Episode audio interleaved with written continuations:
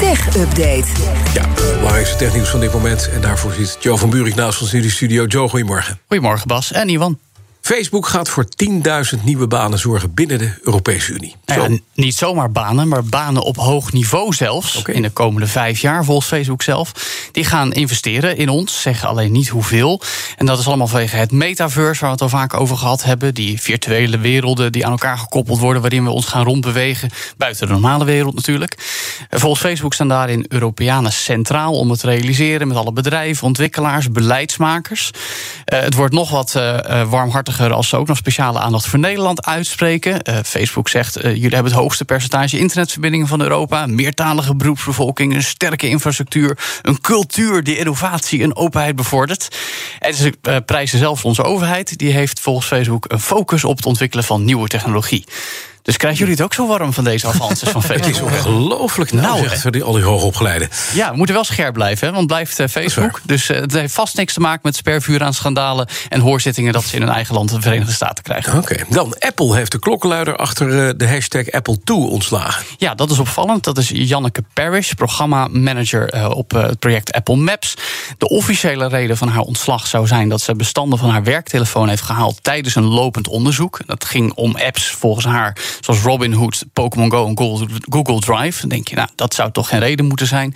Want volgens haar zelf en bepaalde collega's is de echte reden het feit dat zij activistisch optreedt en op bepaalde misstanden naar buiten heeft gebracht, zoals discriminatie en ongelijke betaling tussen man en vrouw. Zij heeft namelijk ook blog apple2.us opgezet, waarin medewerkers dat soort dingen zelf kunnen delen. Het is trouwens niet de eerste klokkenluider die eruit gegooid wordt, want vorige maand kwam dat eh, Ashley Gjövik nog. Eh, en kort daarna verscheen er een memo van grote baas Tim Cook, die zei wie vertrouwelijke informatie lekt, hoort niet bij Apple. Met een rotte Apple. Ja, dat blijkt. Ja. Ja, maar goed, toch pijnlijk. Eh, zeker omdat Apple vanavond nog weer groot nieuws wil delen. En dan eh, gebeurt dit nog. Ja, zeker, want het is MacBook Evening, hè, geloof ik. Ja, oh mooi. Zit je ook al klaar om eh, 1500 euro af te rekenen? Ik heb alles gelekt, maar ik hoor dan ook niet bij Apple. Games waarin crypto's en NFT's worden verhandeld... die mogen niet op het PC-platform Steam. En waarom niet? Nou, dat is opvallend. Steam natuurlijk van Valve.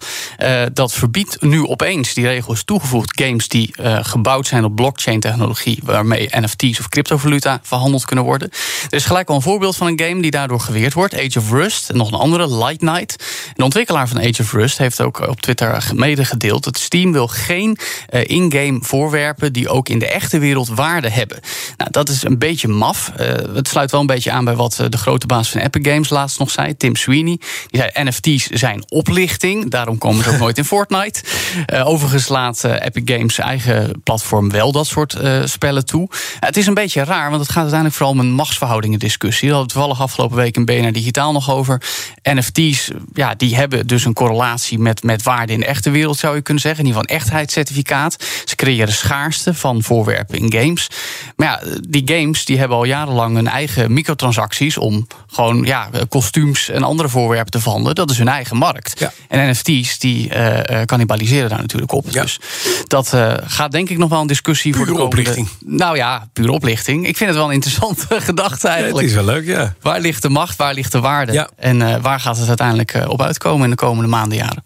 Dankjewel, Joe van Buurik. De BNR Tech Update wordt mede mogelijk gemaakt door Lenklen. Lenklen. Betrokken expertise, gedreven resultaten.